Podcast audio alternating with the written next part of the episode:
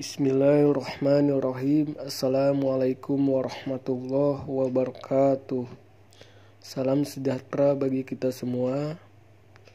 Segala puji bagi Allah Tuhan semesta alam Yang telah memberikan berupa-rupa kenikmatan kepada kita semua. Salawat serta salam Semoga senantiasa tercurahkan kepada baginda kita Rasulullah Sallallahu Alaihi Wasallam yang telah membawa kita dari zaman kejahiliahan kepada zaman terang benerang seperti saat ini. Perkenalkan nama saya Sunarno dari BKI 6D dan selamat datang di podcast pertama saya untuk mata kuliah media BKI. Di podcast pertama ini saya akan membawakan ataupun membagikan materi materi penyuluhan dengan tema virus corona untuk diwaspadai bukan untuk ditakuti. Yang pertama kita ketahui COVID-19 itu sendiri. Jadi COVID-19 itu merupakan keluarga besar virus yang menyebabkan penyakit pada manusia dan hewan. Pada manusia menyebabkan seperti flu biasa hingga penyakit seperti MERS dan SARS. Lalu cara kita mencegah penularan virus corona itu sendiri. Yang pertama, rajin mencuci tangan, kedua, konsumsi gizi yang seimbang, ketiga, jangan memasak masakan yang setengah matang, keempat, rajin olahraga dan istirahat yang cukup. Yang kelima, apabila demam, batuk, pilek, dan sesak napas ataupun gejala lainnya, segera cek ke fasilitas kesehatan yang ada. Selanjutnya,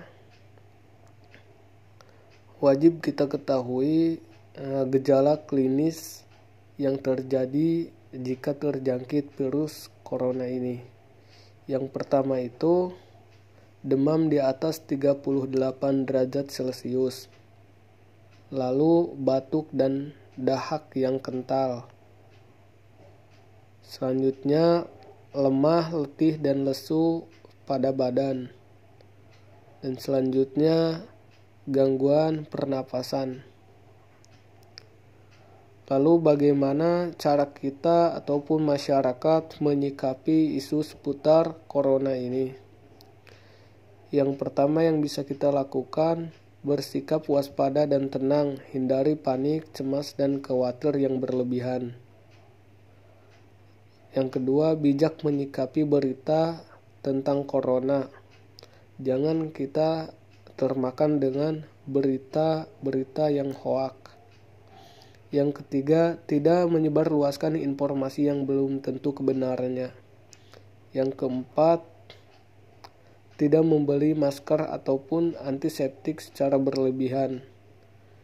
Yang kelima, tidak menimbun bahan makanan yang menyebabkan menjadi langka.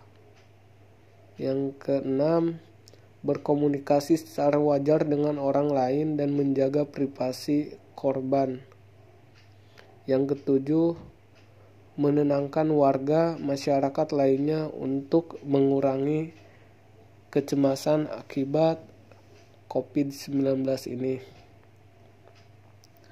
Selanjutnya di sini saya akan membagikan informasi mengenai istilah-istilah yang sering digunakan dalam pemberitaan COVID-19 ini.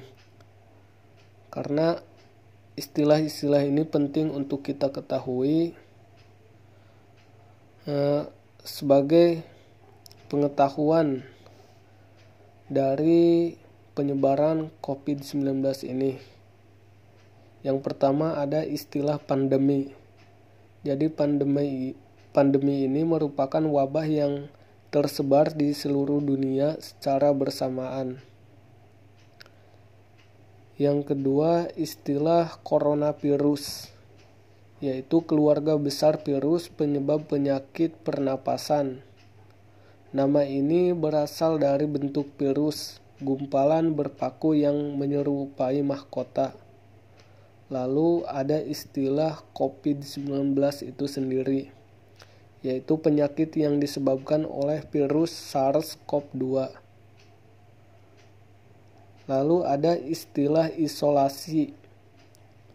Isolasi ini pemisahan orang-orang terjangkit dan terduga terjangkit dari masyarakat luas agar mereka lebih mudah dirawat serta tidak memperparah penyebaran wabah COVID-19 ini. Isolasi semestinya dilakukan di fasilitas kesehatan yang ada. Lalu ada istilah karantina, yaitu pembatasan pergerakan orang yang tampak sehat tetapi mungkin telah terpapar virus. Proses ini berguna untuk memantau perkembangan virus itu sendiri. Lalu ada istilah ODP. ODP itu orang dengan pemantauan, yaitu orang dengan status ODP belum menunjukkan gejala sakit. Orang dengan kategori ini sempat e, bepergian ke negara ataupun wilayah epicentrum corona atau sempat melakukan kontak dengan orang yang terduga positif corona sehingga harus dilakukan pemantauan. Lalu ada istilah PDP, pasien dalam pengawasan, yaitu orang yang sudah menunjukkan gejala terjangkit COVID-19 seperti demam, batuk, pilek, dan sesak napas. PDP harus betul-betul eh, betul-betul diperlukan dengan, diperlakukan dengan baik karena sudah terjadi dan sudah menjadi pasien. Lalu ada istilah suspek. Suspek ini merupakan orang yang sudah menunjukkan gejala terjangkit corona dan juga diduga kuat sudah melakukan kontak dengan pasien positif COVID-19. Selanjutnya, eh, orang dengan kategori suspek ini akan dilakukan penanganan dengan metode-metode yang telah ditentukan oleh petugas kesehatan.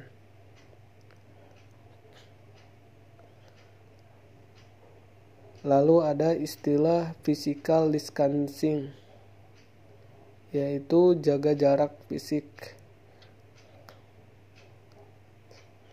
Physical distancing ini adalah mengurangi jumlah aktivitas di luar rumah dan interaksi dengan orang lain, mengurangi kontak tatap muka langsung yang mungkin dapat mengeluarkan virus corona kepada orang lain. Lalu ada istilah stay at home, yaitu tetap di rumah. Dan tentunya masih banyak juga istilah-istilah lainnya. Namun dari saya mungkin hanya itu itu dulu yang bisa disampaikan sekian wassalamualaikum warahmatullahi wabarakatuh